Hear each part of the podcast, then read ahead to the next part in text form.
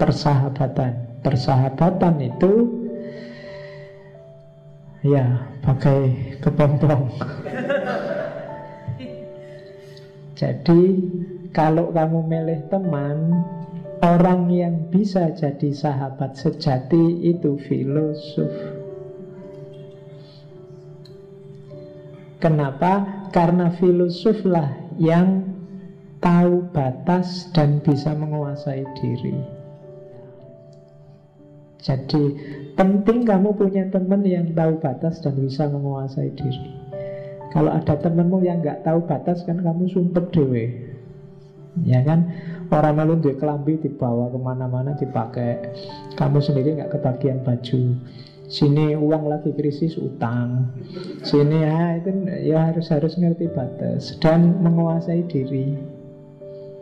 Itu penting. Dan yang bisa kayak gini Orang yang hidupnya disetir oleh akal. Dialah orang bijaksana Dialah filosof.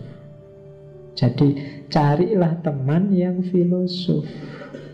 Jangan teman yang diperbudak oleh Dorongan-dorongan animalitasnya Nanti akan berpengaruh padamu Jadi sahabat sejati itu kalau kamu punya sahabat sejati dengan karakter filosof, kamu akan menemukan keutamaan dalam hidupmu. Dan keutamaan itulah nanti sumbernya kebahagiaan.